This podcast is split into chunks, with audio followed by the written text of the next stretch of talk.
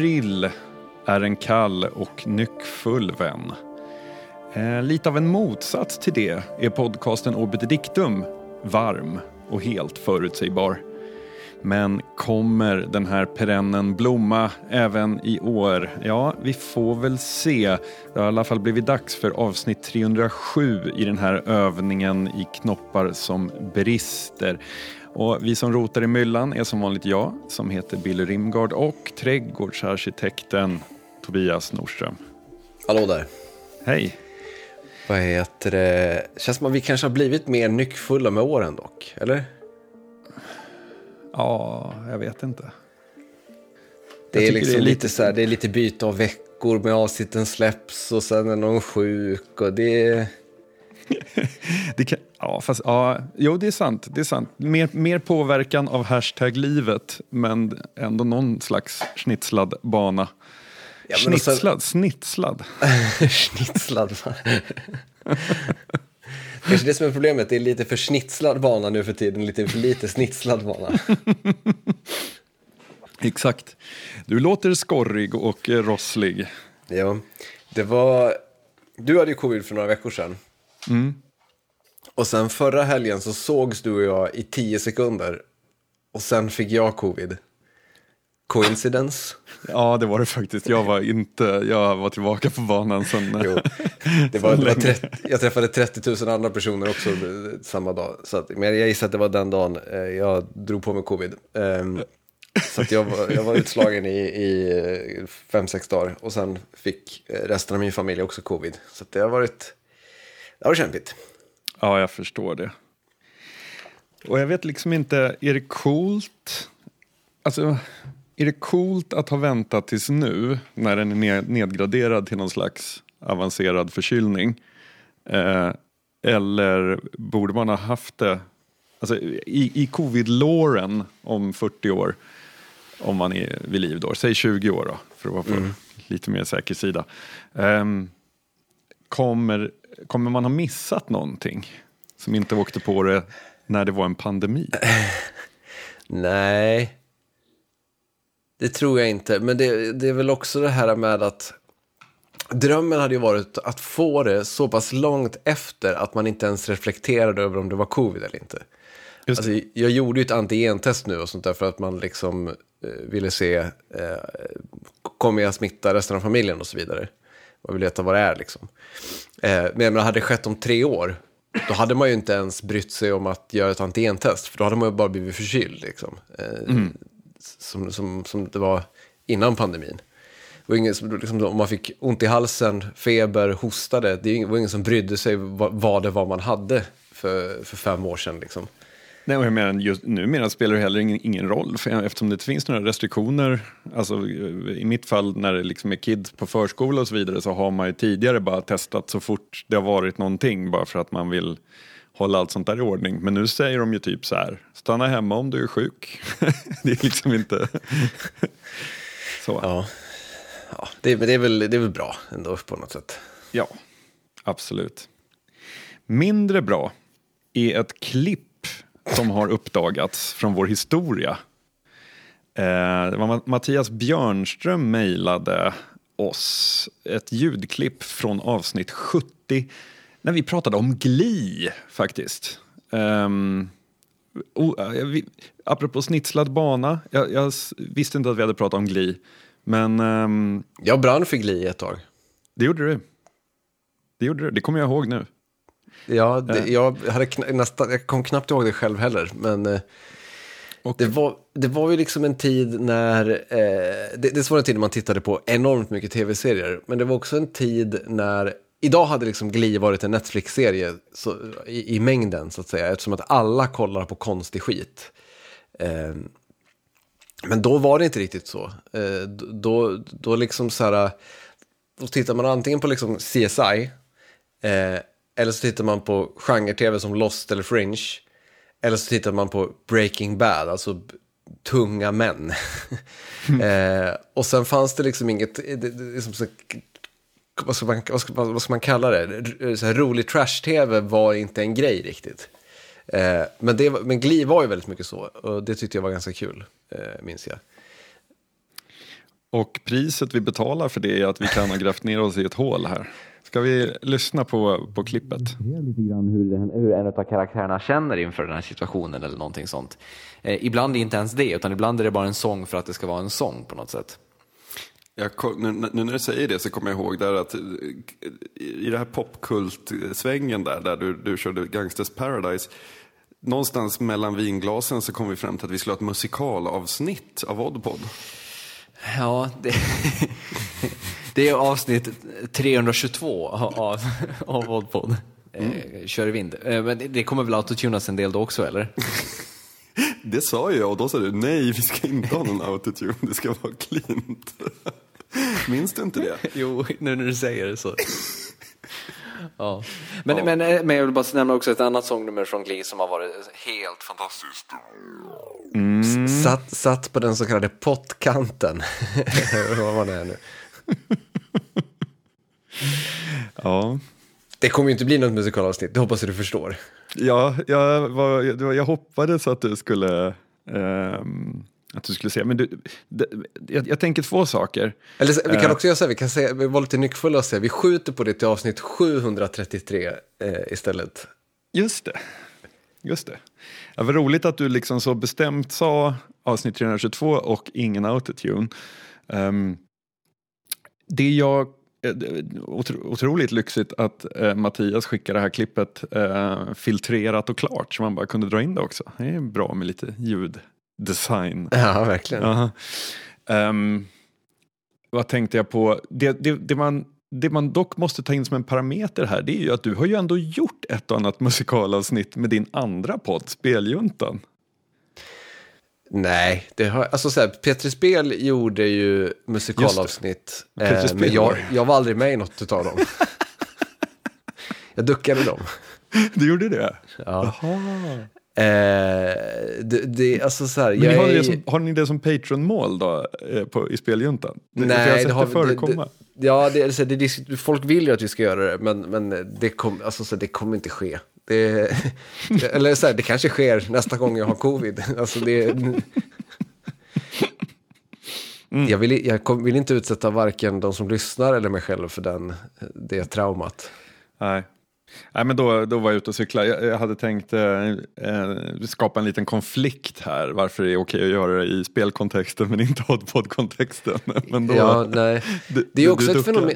Det är också ett, för jag gissar att så här, vi, i den där diskussionen pratade vi ju om eh, musikalavsnitt. Det var ju som, som en grej på något sätt på 00-talet, kanske 90-talet. Med att tv-serier då, framförallt genre-tv, helt plötsligt gör ett musikalavsnitt. Eh, jag gissar för att nöjesindustrin, den amerikanska nöjesindustrin är full av massa theater kids som gjorde uppsättningar när de gick på high school och sen har någon slags vad heter varma känslor för sånt. Det är det som är problemet med, med liksom amerikanska nördar, är att de oftast har fått för lite stryk. Eh, mm. Så de har fortfarande ett självförtroende. Eh, Medan då europeiska nördar har ju liksom blivit döpta i toaletten och fått lära sig sin plats. Liksom. Eh, skulle liksom aldrig komma på tal att man skulle liksom ta plats på en scen och stå och sjunga. jo, det skulle det såklart kunna göra, men, men, du förstår vad jag menar på något sätt. Ja. Men var det inte liksom framförallt typ South Park och Family Guy var ju jättebra på musikalavsnitten. Och även ja. alltså, typ så här Team America World Police och eh, alltså jag tänker så här, South Park-filmen. Um, Bigger, longer, uncut. Ja, exakt. Där det liksom är mycket sång och dansnummer. Absolut, men det är också något annat när det är tecknat. Mm. Eh, för sen, det, det, det jag minns på rak arm är också att det finns ett Buffy-avsnitt som är musikal och det finns väl ja, säkert massa andra serier också. Eh, och det blir någonting annat när det blir, alltså det är också ett jävla konstigt eh, fenomen att bryta mönstret. Eh, alltså jag är all for musikal, men det blir, det blir konstigt när någonting som inte är musikal plötsligt blir musikal. Om du förstår vad jag mm. menar.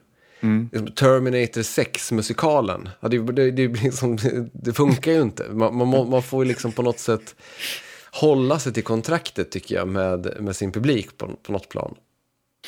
Men det finns in, äh, inte det... jag tänker att på den tiden när en säsong av en tv-serie var 24 avsnitt och de gick hela året, då fanns mm. det ju vissa sådana här staples som alltid skedde. Ett av dem var ju halloween-avsnittet. Och det spelade liksom ingen roll vilken serie det var, för att halloween-avsnittet var alltid lite corny, lite knäppt, lite eh, roligt. Ehm, ett jag minns på rak arm är eh, Millennium, den mörka serien som Chris Carter gjorde efter eh, Arkivex.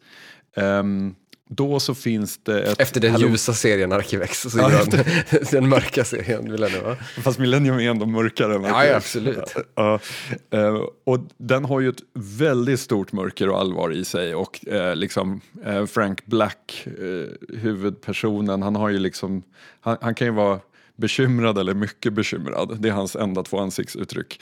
Och så kommer det här härliga halloween-avsnittet när han stannar med sin bil vid en diner um, och ska gå in och käka. Och vid ett bord så sitter det tre stycken små jävlar och pratar om, alltså djävular, eh, och pratar så minnen om så här ond, ondska de har begått på jorden. Eh, och Frank, jag tror jag för mig att Frank Black sätter sig i båset bredvid dem och sitter och lyssnar och så är det så här klipp en klippshow där man liksom de här storyna de sitter och drar, anekdoterna eh, spelas upp. Eh, och det är bara så här superkonstigt. Men det var mm. helt normalt i någon slags gammal eh, kadens av berättande. Absolut. Men det, det är väl också, alltså det du är inne på där med 24 avsnitt på en säsong är väl också lite grann att det, det, det, här, alltså det jag kan köpa att det blir mer öppet för exempelvis en, en musikal eller någon, en lek med formen när du har ett, eh, när du har liksom ett procedural upplägg på serien, när det är fristående avsnitt. För att då kan du ju liksom också lite grann eh, ja, göra den typen av one-offs och komma undan med det på ett annat sätt. Det, var, det hade varit konstigt om det hade varit, för jag menar, som Lost hade ju inget halloween-avsnitt. Eh, Nej det, det, det, sätts ju lite ur spel när det blir den här typen av kontinuerlig eh, berättelse. I och med att mycket av det här med halloween-avsnittet handlar ju bara om att det sänds vid halloween i USA och då vad heter det, är det festligt med att man kan spegla, spegla den tiden på året som det, som det sänds på något vis. Men det skulle då betyda att det måste också vara samma tid på året i det fiktiva universumet man tittar på på något vis. Jag tycker det finns något härligt med, alltså så här, Um, jag blir lite nostalgisk här nu. Procedurals. Uh, det, jag kommer att tänka på är det Quentin Tarantino-skrivna och regisserade säsongsavslutningen av CSI som är helt absurd, som inte är CSI utan det här är en Tarantino-film. liksom. Um, det finns ju ändå någonting lite härligt med den där friheten som du säger att kunna göra de här sjuka grejerna. Det finns också någonting som är väldigt ohärligt, nämligen alla klipp eh, klippshower som blir när liksom budgeten är slut för säsongen och man måste liksom trycka ut ett gratis avsnitt genom att bara sammanställa massa minnesbilder från tidigare avsnitt. Det är ju mm. alltid det värsta. Men ja. eh, men, men, finns det några bra procedurals som, som går nu? Som man kan liksom, för back in the day, så du, du sa CSI, jag säger numbers, uh, jag säger, uh, fan jag kommer inte ens ihåg vad alla hette. Men de är ju goa ändå. Jo, man saknar dem jättemycket. Det är ju, alltså jag tycker ju jätte, att det är jättesynd att de nya Star Trek-serierna inte är procedurals. Eh, mycket för att de, de liksom gamla Star Trek-serierna har, det har funkat väldigt bra med det upplägget på något vis. Att det är en, en ny fråga eller en ny civilisation eller en ny, eh, vad heter det, ett nytt mysterium att lösa varje vecka. Det, ju, det finns ju något, något härligt i det. Eh, men det är ju väldigt omodernt. Eh, och det funkar ju det funkar ju inte riktigt med vår tids tv-tittande, tänker jag, där du ska eh, hooka folk. Eh, du ska hooka folk i tio avsnitt och sen är liksom säsongen över. Då, då är det ju, ja, det, det blir ju liksom lite, lite konstigt då med tio fristående avsnitt som folk kan hoppa lite mellan eller sådär. Det, det, det, det, vad ska man säga, det, det, hänger inte ihop med streamingens logik på något sätt. Eh, och sen tror jag ju också att det, det, är väldigt mycket anpassat och byggt för den 24, episod, eller 24 avsnitt långa säsongen. som sträcker sig över ett helt år. Därför att då, blir det, då var det också skönt att det var ju, kunde vara olidligt ibland med, med serier som var i 24 avsnitt och det var en, en sammanlänkad handling. För att man liksom så här, om man inte följde den serien slaviskt så vad heter det, var man körd. Ja. För att det, det var liksom omöjligt att hänga med när det var callbacks till grejer som hände för fyra veckor sedan. Liksom. Eller är det, 20, 20 veckor sedan. Ja. ja, just det. Navy, NCIS, Hawaii, Law and Order, eh, bla bla bla. De har så långa namn nu alla de här procedurerna. Eh. Men man kanske ska doppa sin tå i någon av dem och se exakt hur dåligt det är. Av trailers som man möter när man kanske kollar på NFL eller något sånt där så kan jag bara gissa hur dåligt det är. Jag hade ju hoppats att den nya, alltså den eh, Jack Reacher-serien som vi snackade om för några veckor sedan som gick på, som går på Amazon Prime. Jag hade hoppats att den skulle vara en procedur. Oh. Det hade varit, det hade varit så otroligt gött att ha eh, Jack Reacher som procedural-serie.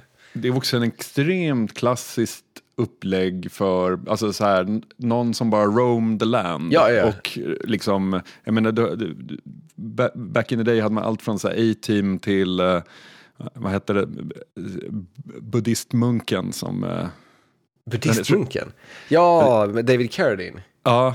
Ja, vad fan exakt. hette den? Uh, ja, skitsamma. MacGyver ja. var ju typ första tv-serien jag följde som barn. Ja. Det, det är ju procedural upplägg så du sjunger om Exakt, Airwolf. Ja, det är jättemycket sådana. Uh, och um, Reacher hade verkligen passat mycket bättre i en sån. Vi har inte pratat om Reacher, men uh, den, jo, vi har vi inte pratat om Reacher? Nej, vi har inte det. Vi sa att vi skulle göra det, sen gjorde vi aldrig det. Okej.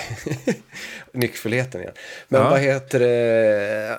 Jo, men för det, alltså, bokserien är ju en procedural i princip. Exakt. Man skulle kunna ha ett, ett, ett, av, ett program per bok i princip. Eller liksom ett avsnitt per bok, mer ja. eller mindre. Ja.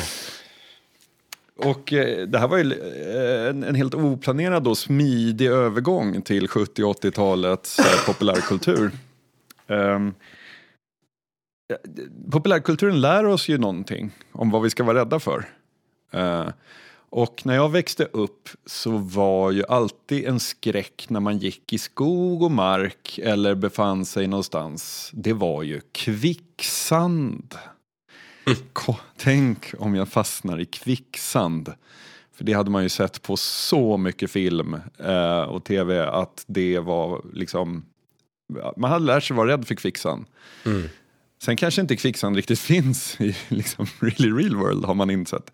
Men det var ju verkligen en sån ehm, eh, förmodligen så var det ganska enkelt att bygga på en Hollywood soundstage eh, en fara liksom, eh, där man sjönk ner och, och fastnade.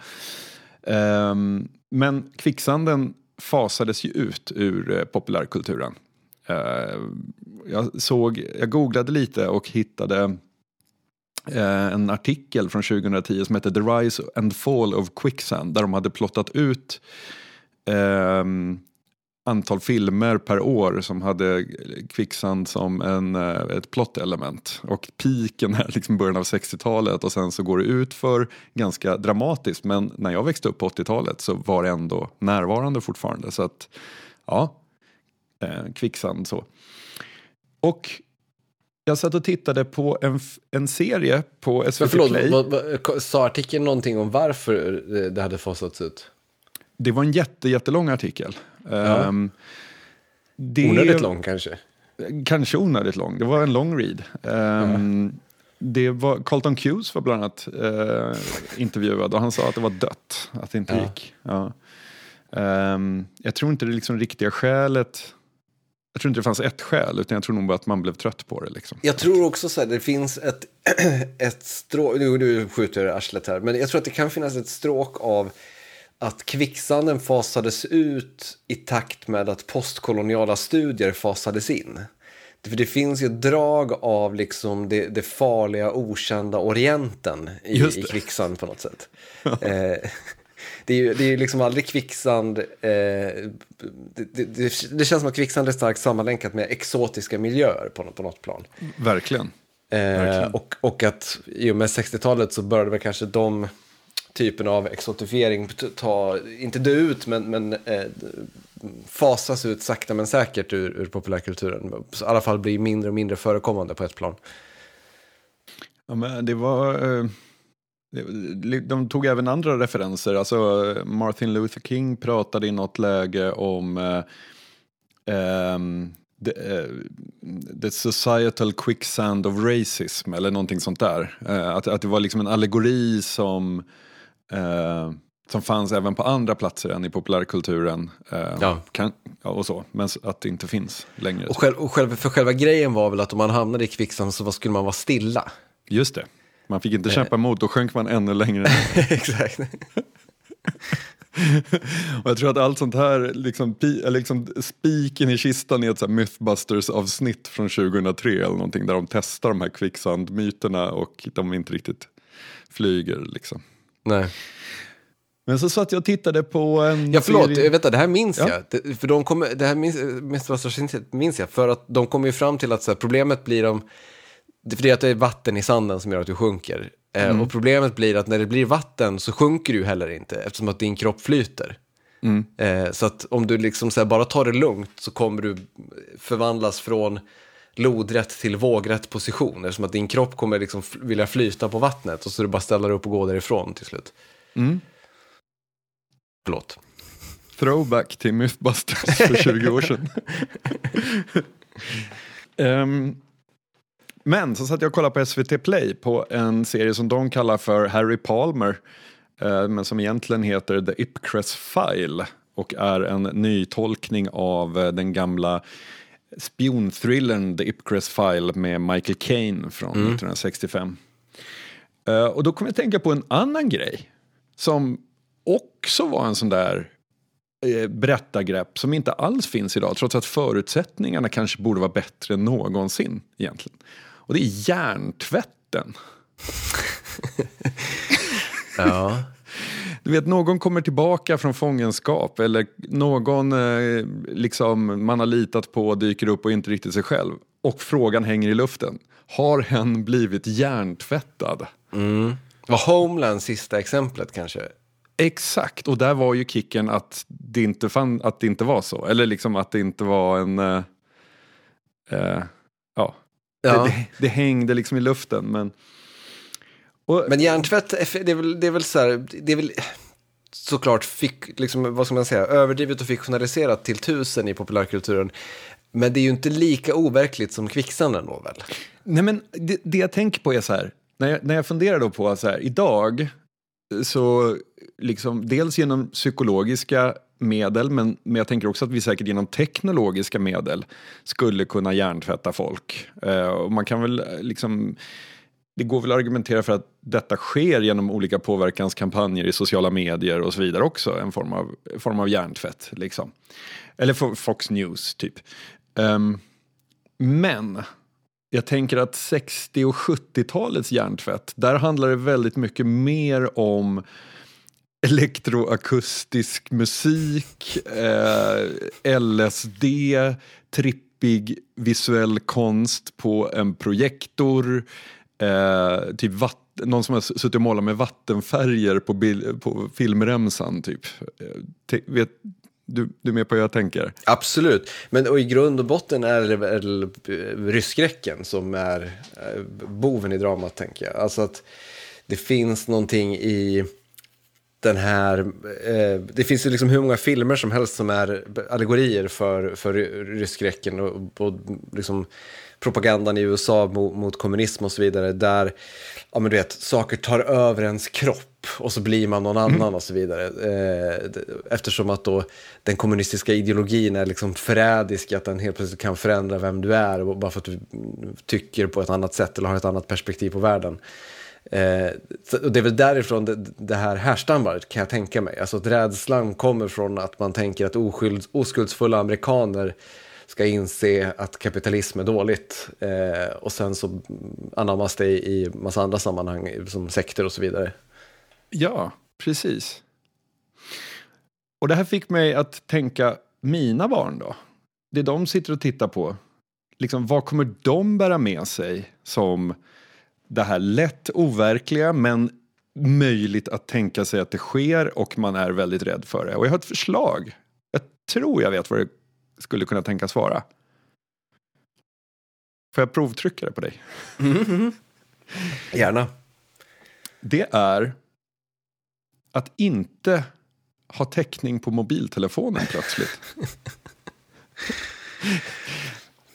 Mm. Det är ett berättargrepp.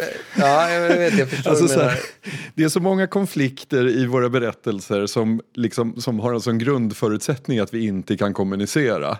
Och eh, därför så är det väldigt vanligt med den här scenen där någon tar upp en telefon för att göra det rationella, nämligen ringa efter hjälp och så är det inga, ingen täckning.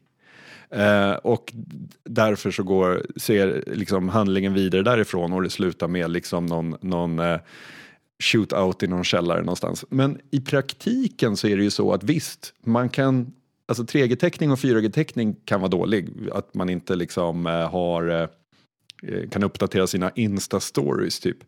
Men telefontäckningen, alltså det är ju extremt sällan du är i en miljö om du inte är uppe på något fjäll där du inte, alltså där du har no service. Det är nästan lika otänkbart som kvicksand. Eh, jo, så är det väl. Jag vågar inte tala för hur det är i USA här. Eh, man har hört skräckhistorier, no pun intended, om hur kast mobilnätet kan vara där. Mm. Eh, men, men ja, det är ju definitivt eh, liksom ingenting man råkar ut för på daglig basis om man befinner sig i bebyggda miljöer. Eh, men vad menar du då? Alltså, jag tänker så här, det, det, grejen med hjärntvätt och kvicksand är ju att det är ett väldigt reellt hot. Men problemet som jag ser med mobiltäckningen är ju att det är aldrig mobiltäckningen som är hotet. Nej, men alltså situationen att jag behöver ringa på hjälp, jag tar fram telefonen, jag har ingen täckning. Ja. Alltså, alltså den, den situationen, lite samma situation som att här går jag i skogen och plötsligt så sjunker mina fötter bara ner mm. och jag har klivit mm. i kvicksand. Alltså att den känslan man hade när man var ute i skog och mark som barn och var lite rädd för kvicksand. Att, alltså att det, um, för sen kommer de växa upp och inse att vad fan, varför var, gick vi omkring och var rädda för att inte ha täckning?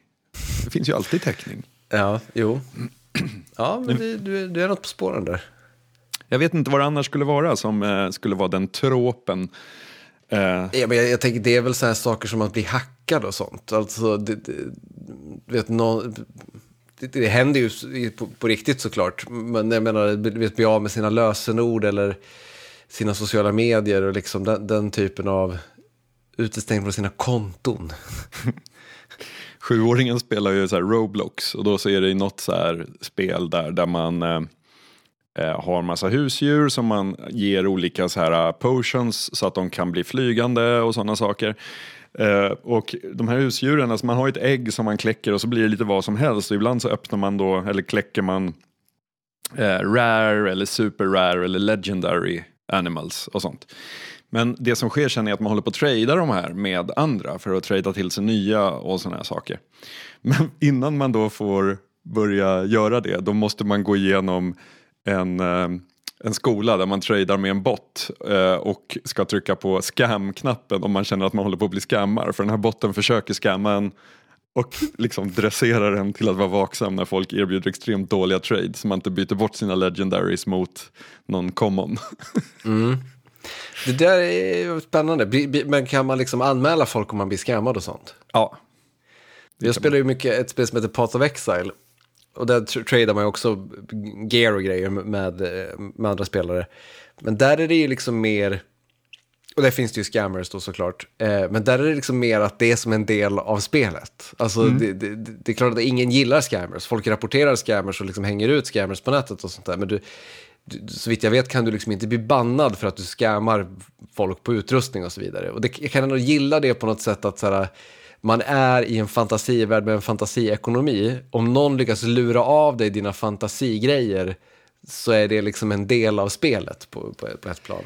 Så resonerar jag också. Så resonerar inte en sjuåring som har blivit av med sin flygande enhörning. Jag lovar. Då gråts det. ja, jag kan förstå det.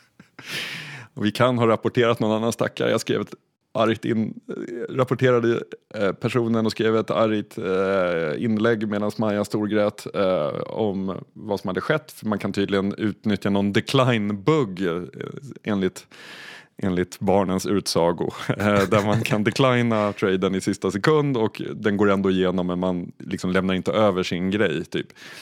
Um, och eh, jag skrev en rapportering och sen fem minuter senare när tårarna hade upphört så hittade Maja sin, hon hade ju fått prylen men visste inte vart i inventoriet den låg. Ah, så då hade man istället hängt någon jävel helt oskyldigt. men, eh, ja, men kanske en minnesbeta om att vara, vara försiktig i tradandet. Exakt. Eh, jag har ju legat sjuk. Eh, och vad heter det?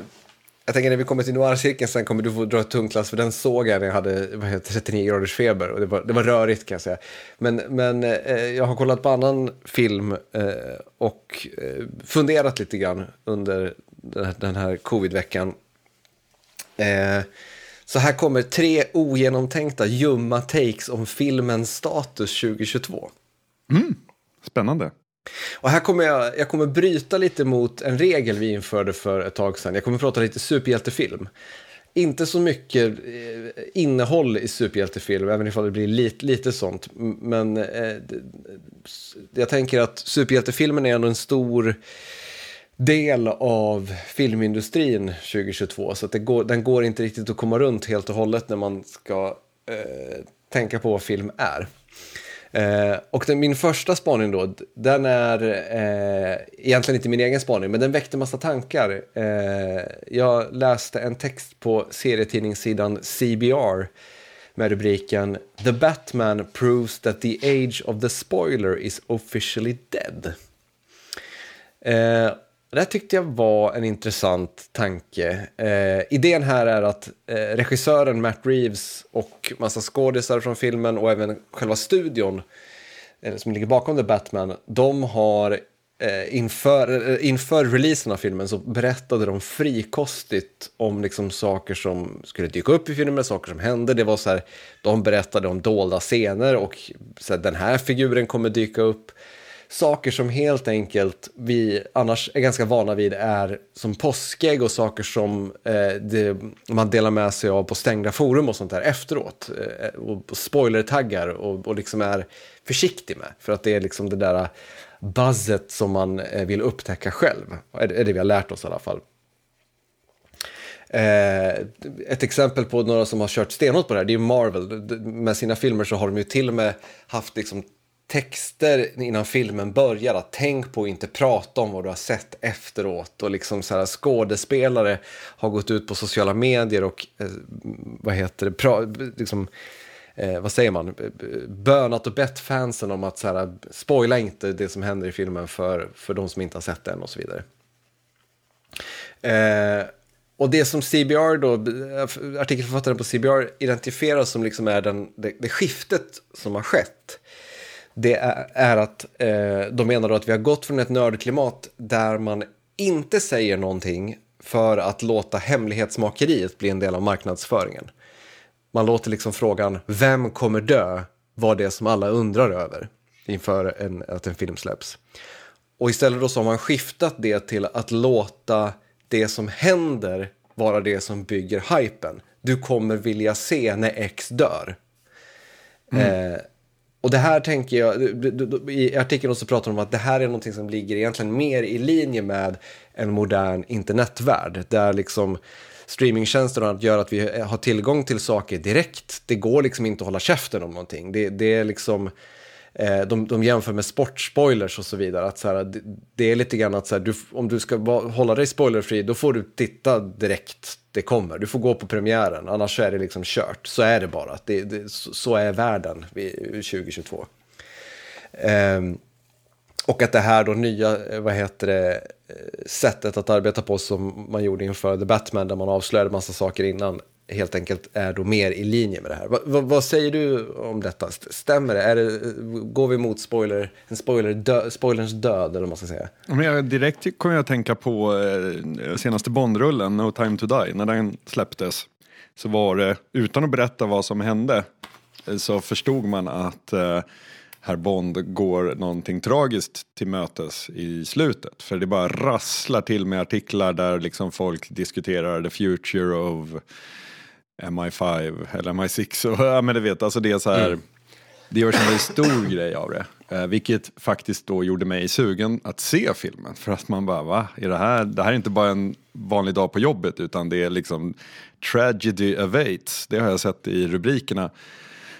Sen började jag se filmen och kom halvvägs så jag tyckte den var jättedålig. Så jag vet fortfarande inte vad som händer i det tragiska slutet. Men jag har den kvar på datorn så att jag kanske ska spola fram då och se slutet vid något tillfälle. Men um, uh, reflekterade inte över det då, men jag som är extremt spoilerkänslig uh, uh, blev ju lockad av att se filmen.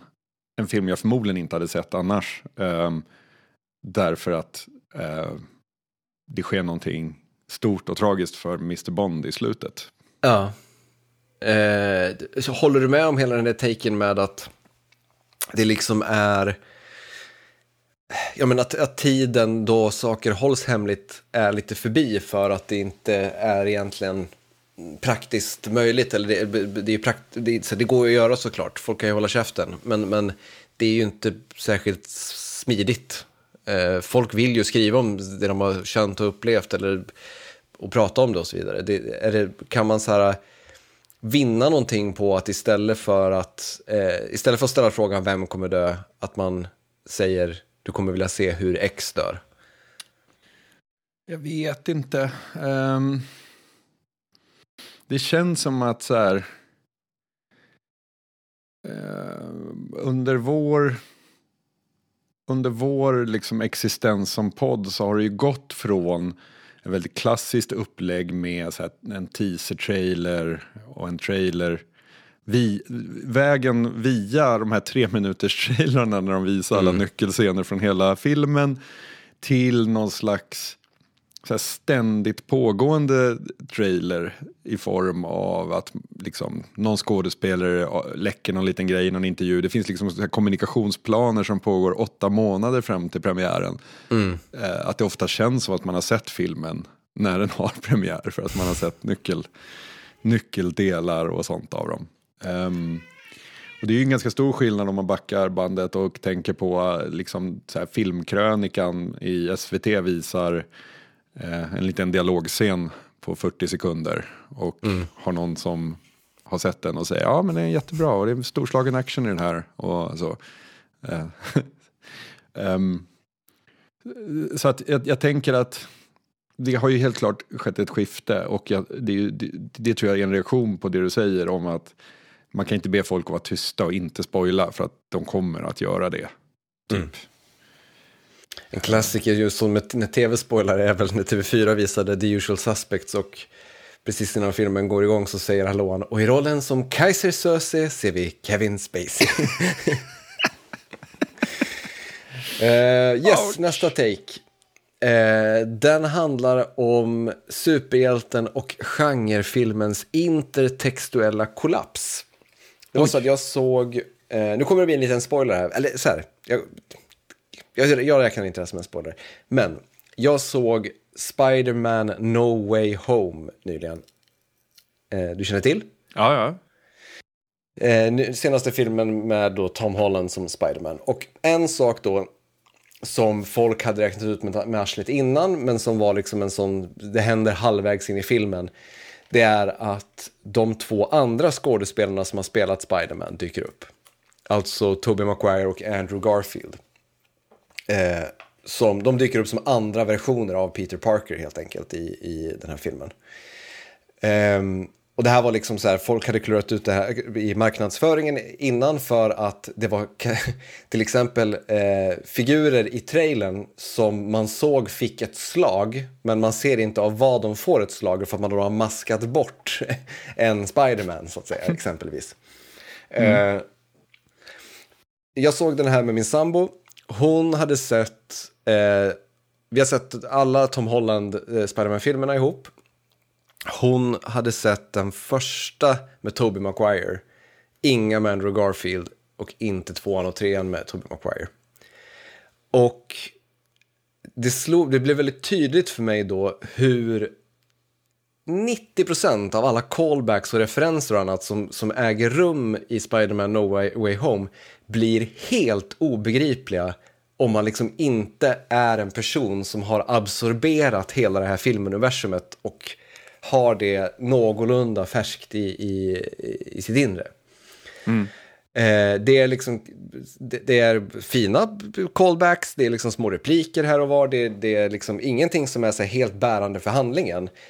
Men jag ser ju att så här, saker som jag plockar upp och liksom reagerar på att oh, ja, han säger så, bla bla bla. Som min sambo då är så här bara, alltså det var en vanlig replik. Mm. Eh, och jag, jag började tänka då att så här, så här känns nästan allt nu för tiden. Alltså allt som är just superhjältefilm eller eh, genrefilm. Allt är byggt på att du ska liksom ha eh, konsumerat 25 timmar av allt det här innan du eh, sätter dig och tittar på den här saken. Eh, inte bara då för själva continuityn, alltså inte bara för att du vet vad som har hänt i berättelsen hittills, utan du ska dessutom veta eh, liksom blinkningar och kopplingar till allt annat som sker utanför den här historien. Mm. Så min take är att så här, det vi ser här är metaversifieringen av film. Mm. Vad tror du om det? um, det är en bra spaning. Frågan är, är det nytt? Nej, det är nog inte nytt. Eh, men det är taget till sin extrem. Alltså det, det, det är liksom... Med Spiderman No Way, Way Home så är det liksom... Det är inte bara längre att så här, du, du behöver veta berättelsen, utan du behöver veta eh, vad heter Alltså för att filmen ska få det värdet den kan ha så behöver du veta saker som existerar utanför hela det här universumet så att säga.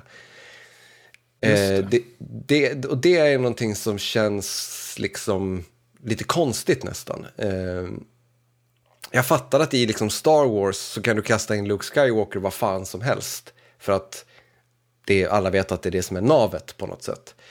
Men det blir en sak när, det blir en annan sak när du liksom ska ha sett avsnitt fem av The Clone Wars för att förstå varför en karaktär är superintressant. Just det.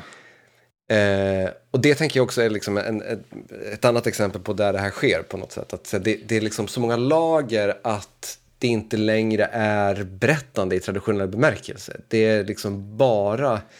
Eh, Easter egg-festen liksom. Ja, exakt. Och, och, det, och jag tror att det är väl det som är nytt, att det är Easter egg-festen som är grejen. Mm. Och det är det jag tänker så här... Um, um, jag tror att det var därför jag steppade bort ifrån allt det där. Uh, alltså Marvel-filmuniversumet och det. Um, för att man tröttnade på att det var så, uh, vad ska man säga, navelskådande hela tiden. Mm. Jag tänker att ett så här James Bond-universum, där kan du egentligen plocka upp vilken som helst av de, jag vet inte, 40 filmer eller vad det är, som har gjorts och se den isolerad. Du behöver inte kunna någonting. Alltså så här att, att Spectre är liksom Bonds arch enemies eller vilken kontext han verkar inom och så vidare. Det, det, det, behöver man egentligen inte veta utan det funkar bara rakt av. så. Mm. Sen så finns det massa planteringar och folk som kommer tillbaka och sånt för de som är Bond-fans. Men det är inte en nödvändighet att plocka de referenserna. Eh, Medan mycket av den här nördkulturen eller vad man ska kalla det för det är så mycket i den som bara handlar om det där självrefererandet. Eh, det var därför jag inte gillar Picard-serien till exempel på eh, eh, ja, den, den, senaste Star Trek. Därför att jag älskar Picard, hade jättegärna sett en serie med honom i, men inte om den seriens enda eh, raison d'être är att liksom, man ska få träffa Q och Riker och Seven of mm. Nine igen. Liksom. Mm. Ja. Jag har en, tredje också. Ska jag köra den eller ska jag spara den? Kör hårt. Nu när obduktionen är igång så är det lika bra ja, att protokollet blir komplett. Den tredje spaningen då kallar jag det oändliga nya mellansegmentet. Mm. Eh, vi pratade ju, har pratat om några gånger en sak eh, som eh, Orvar Säfström pratade om i sista avsnittet av Filmkrönikan. Att mid-tier-filmerna skulle försvinna. Att, eh, han menade då att i och med nedladdning och annat så kommer vi se en framtid där det kommer eh, smal, billig film och dyr, eh, jättestor film. Och så har vi pratat om i podden många gånger att han fick rätt. Och det fick han på många sätt. Och en av de genrerna som fick falla till föga då mycket eh, på grund av det här var ju till exempel romcomen. Eh, framförallt då romcomen med liksom, där det är stora stjärnor som, som, som spelar i en romantisk komedi. Därför att det var helt enkelt inte värt längre att betala Matthew McConaughey 10 miljoner dollar för att göra en, en romcom med Reese Witherspoon som ska ha 5 miljoner dollar. Eh, när du kunde istället liksom använda de två för att bygga en ny franchise för, ja, men, som vi var inne på tidigare, en superhjältefilm eller whatever. Eh, det kostade helt enkelt alltid mer än det smakade. Eh, men jag kollade på en romcom på Netflix häromveckan eh, med ändå ganska stora stjärnor, Charlie Day och lite annat. Och då slog det mig att de här mellanfilmerna kanske har liksom återuppstått i smyg på just streamingtjänsterna. Eh, och att de kanske har blivit eh, snarare liksom bulken av eh, det utbudet som finns där. Och när jag tänkte efter då så blev, insåg jag också att det kanske till och med är så här att mellanbudgetfilmerna har liksom blivit allt. Och att det nästan har blivit så att även storfilmerna är mellanbudgetfilmer. Alltså budget är kanske fel ord, men mellanstora. Jag tänker som så här. Ena veckan lanserar Netflix en dussinrökare, en film om en getaway driver eller någonting. Som blir liksom en liten snackis, folk skriver om den på Twitter, det här, det här var en fartfylld actionfilm. Nästa fredag kommer June, säger vi. Stor film, jättekul, alla pratar om den. och sen nästa fredag, fredag därpå då, då är det Wes Andersons nya eh, film som du går direkt till en streamingtjänst, någon arthouse-produktion eh, liksom. Mm. Och alla de här, de här tre filmerna är liksom exakt samma sak egentligen. Det är veckans streamingfilm liksom. Mm. Eh, och allihopa är liksom omgärdade av ungefär lika mycket buzz. Det skrivs ungefär lika mycket om dem på olika jävla nöjessidor och på Twitter och på sociala medier. Och allt har blivit på något sätt mid-tier. Förstår du vad jag, vad jag menar? Mm, mm. Håller du med? Jag försöker smälta det här lite grann. Um, jag är inte säker på att jag hänger med helt i resonemanget. För Dune måste ju ändå ha haft ett betydligt fetare budget än den här Getaway Driver-rökaren på Netflix. Precis, ja, men, det, det, exakt. Ordet budget är missvisande, men om vi tänker så här att, vad heter det, streamingplattformarnas utbud har liksom gjort att eh, allting behöver liksom marknadsföras lite grann. Just det. Eh, Dune är ett ganska dåligt exempel, för Dune var en av de få filmerna de senaste fem åren som har varit en jättesnackis innan. Eh, annars så är ju liksom även de stora filmerna, alltså så här, superhjältefilmerna som kommer nu, Visst, man, så att det, det, de marknadsförs, men det är ju absolut inte att de svälj, sväljer liksom det kulturella medvetandet på samma sätt som de gjorde för tio år sedan. Just det, för att det... Hero-bannen i toppen av Netflix, den kommer alltid vara lika stor och lika animerad och lika lockande till tittning oavsett om det är den här filmen som är Getaway Drivern eller om det är den här Wes Andersons Arthouse-grej. Ja. ja, och liksom så Netflix eller HBO Max eller vilken tjänst det nu än är, de behöver ha sina siffror varje vecka. Mm. De kan liksom inte så, göra som Warner Brothers, att de har sommarens stora släpp. Eh, och så kör man liksom en marknadsföringskampanj på 60 miljoner dollar där det är tv-spottar, det är man tapetserar stan för den här nya filmen. Det kan man inte göra som streamingtjänst för att du måste ha dina siffror varje vecka. Så istället så blir det liksom så att den här Getaway Driver-filmen pushar du med algoritmen. Du kör ut liksom trailers på, på YouTube för folk. Men sen nästa vecka måste du göra samma sak när den här storfilmen kommer. Trots att hade den kommit för 20 år sedan då hade den fått den här behandlingen eh, som, som Warner Brothers-filmen som ska gå på bio eh, får. Just det, just det. Det, det, det som Caroline Ringskog kallar för tre av fem-samhället. Ja, mm. eh, lite grann. Men, men det är också just det här med att det gör att allting blir ganska homogent på ett sätt. Och det är lite trist, eller? Ja, men jag, jag, jag förstår helt vad du menar. Att så här, Eh, återigen om vi backar bandet till, till när Orvar Sävström säger det där, alltså när vi drar igång Oddpod, typ så här, då, då, är det ju, då var det ju verkligen så att så här, du hade Inception, sen så hade du ingenting och ingenting och sen hade du lite indie-rullar. Det fanns, mm. där mid, mid-tier fanns inte. Eh, och idag så, det kanske, alltså, bara det blir den där filmen som ska rädda siffrorna på Netflix den här veckan. Eh, Squid, Squid Games är väl ett utmärkt exempel på eh, vad jag tror de köpte in som, som en filler mer eller mindre. Just så här, ska, här har vi ett glapp, vad ska vi göra där? Ja, men det, var, det fanns något i Korea. Liksom. Eh, mm. Men i och med att man promotar det så blir det liksom grejen på något sätt. Ja, men jag tänker, Don't Look Up är väl ett bättre exempel än, än June exempelvis. Ja. Ja. Som ju kom, kom i liksom julas. Det är Jennifer Lawrence, Leonardo DiCaprio och eh, vem fan var det mer? Alltså det är världens största, Jonah Hill, liksom världens största filmstjärna, Meryl Streep. Den är gjord av Adam McKay som liksom har varit hyllad i, i, i flera år. Men folk pratar om, om den i liksom en vecka. Därför att sen, sen är det vidare, måste också Netflix vidare till nästa grej. Trots att de har betalat jättemycket för den här filmen så vet de att så här, den här filmen är en i mängden på, på, på, i mycket större utsträckning än vad den hade varit om det hade varit en, en biofilm som ska bära en studio så att säga. Mm. Eh, ja, jag vet inte, jag, jag, jag bara, det bara slog mig att det här mid-tier-segmentet av, av film eh, har blivit liksom det har, det, det har, inte försvunnit utan det har snarare blivit någon form av standard nästan. Eh, just för att som är, de här sto, jättestora bioupplevelserna blir färre och färre eh, i och med att ja, streamingtjänsterna måste ha, ha sitt. Och är det inte någonting som, alltså så här, säger jag då, som inte har varit på bio på hur länge sedan som helst. Eh, det kanske är någonting som, som går förlorat också i det där i att eh, man normaliserar mellan. Eh, det, det är ju lite samma sak som så här eh, jag tänker mycket, med musik så är det ju så att den the communal experience av att vara fans till det här bandet är, liksom, försvinner ju lite grann när det finns hundratusen andra band eh, eller artister som alla har lika många fans mm. på något vis. Att, eh, All, alla har 5000 fans så att säga. Ja, precis. precis det, det, det, finns aldrig någonting som är det nya heta utan det finns alltid hundra saker som är det nya heta. Mm.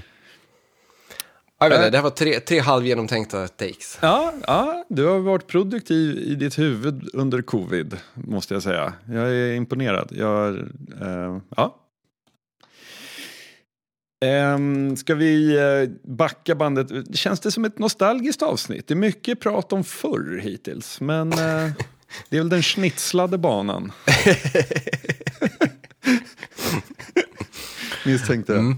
Ja, visst. Um, vi ska backa bandet ytterligare lite och gå in i noir-cirkelns eh, sista skälvande eh, livsspratt här innan det är dags att eh, begrava noir-cirkeln. Eh, vi har sett filmen nummer två på listan eh, som heter The Big Sleep från 1946. Eh, I den så ser vi Humphrey Bogart som eh, privatdeckaren Philip Marlowe. Eh, och vi ser, eh, eh, nu ska vi se, vad heter hon då? Lauren Bacall. Lauren Bacall, tack. Eh, jag hade, min flik hade kraschat. Det hade. um, i, i, i, den kvinnliga huvudrollen. Um, och som, som Carmen. Eh, och, alltså, som Vi Vivian va? Ja, som Vivian såklart. Det här, Carmen är hon... Systern. Den, den, ja, äldre, äldre systern. Och det, det, här var ju intressant att jag gick bort med direkt för att det var lite av min take, min första take är att vilket, alltså, vilket rollgalleri, hur många kar namngivna karaktärer har den här filmen? Mm. Jävlar vad intensivt det var att hålla isär dem. Um, berättad på ett sätt som man kanske inte skulle ha berättat den idag. Uh, det kretsar i alla fall kring, i, i korta drag så blir uh, uh, den här privatdeckaren Philip Marlowe, han blir kallad till möte på, hos en General Sternwood vars dotter har gamblingskulder till en bookie som heter typ Geiger tror jag. Ja, Geiger. Um, och det är den ena dottern, den andra dottern det är Vivian. um, och hon tror att det inte alls har att göra med gamblingskulder utan att um, eh, han i själva verket har kallats dit för att hitta en eh, snubbe som heter Sean som är försvunnen. Och därifrån, alltså det handlar om en utpressningsgrej där det sätts upp ett mord som en av de här döttrarna eh, framas för. Eh, och eh, det blir en jakt ner i undervärlden eh, för att försöka rentvå hennes namn och för att försöka ta reda på vad som hände med den här Sean eh, Eh, som försvann. Och Sean förstod jag aldrig riktigt eh, eh, Alltså jag, jag, jag, kan ha varit ouppmärksam men, men jag förstod aldrig riktigt varför det var så viktigt att eh, hitta honom så att säga. Det var väl, alltså, han var väl lite av en så här, lite av en son för den här generalen som annars hade två, två döttrar. Eh, och framförallt så var det väl liksom allt hysch var är ju faktumet att en av döttrarna har mördat honom. Eh, vilket typ blir, blir liksom, vad ska man säga, någon, någon slags krutdurk som ligger och, och pyr. Men det, det, det är ju bökigt det här. Mång, många vändor. Jag såg som sagt den här med feber och det här som du säger med, na med namn och persongalleri var, var ju eh, rörigt. Liksom. Jag kommer ihåg det var någon gång när de pratade om Canino och jag bara så här, Canino?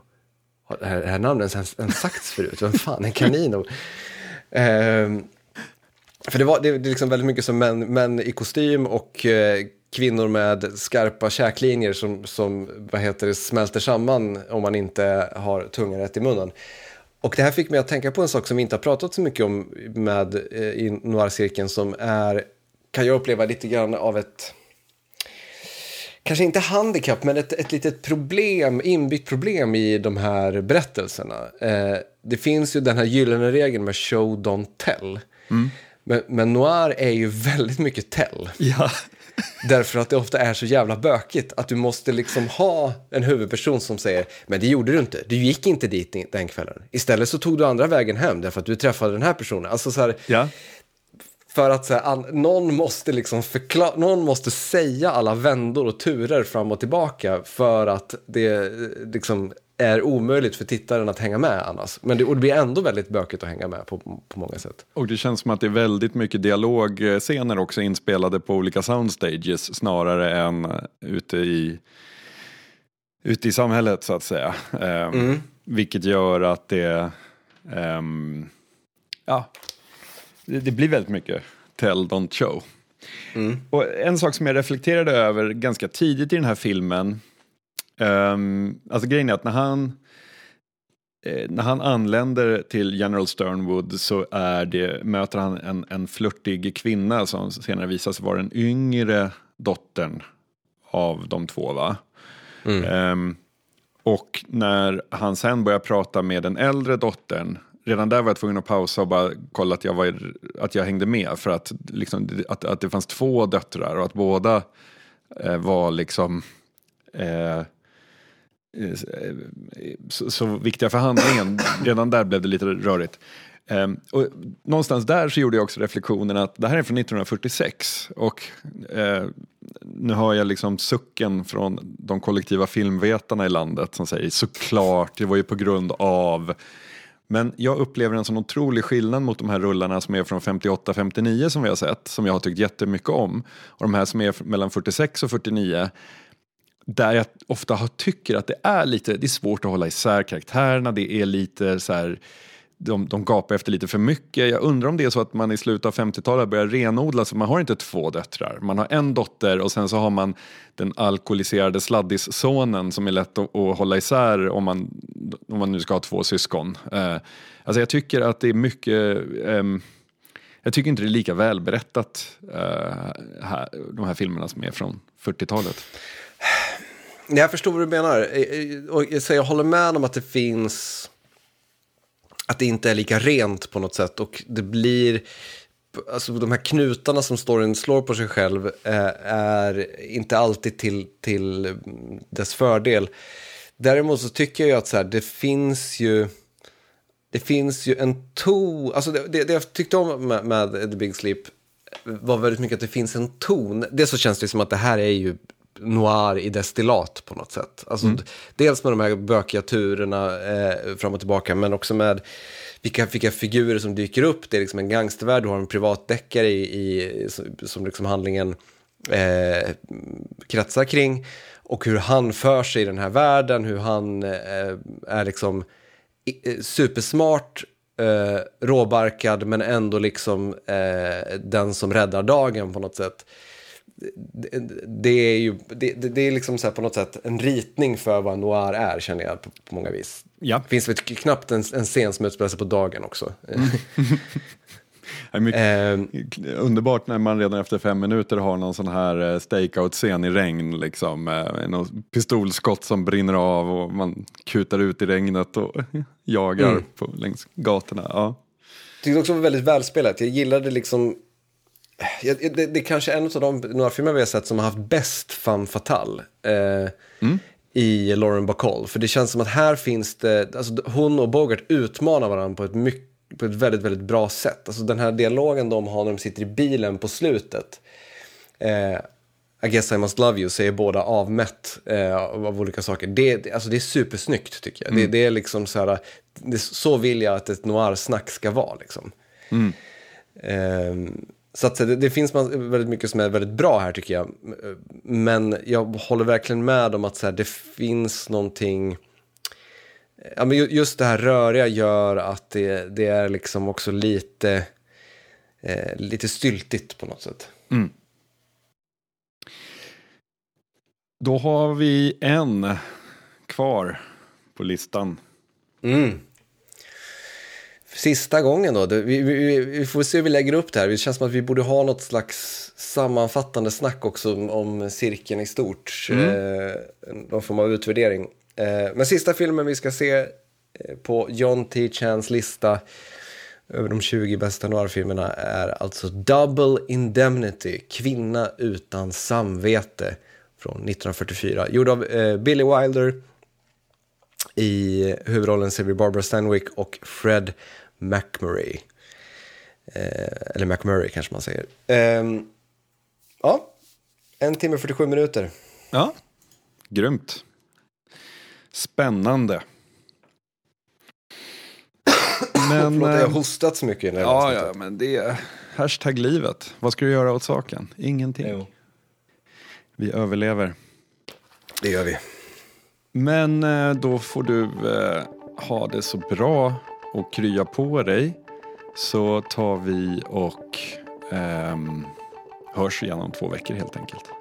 Det gör vi. Ja? Ha det fint. Ha det fint. Hej då.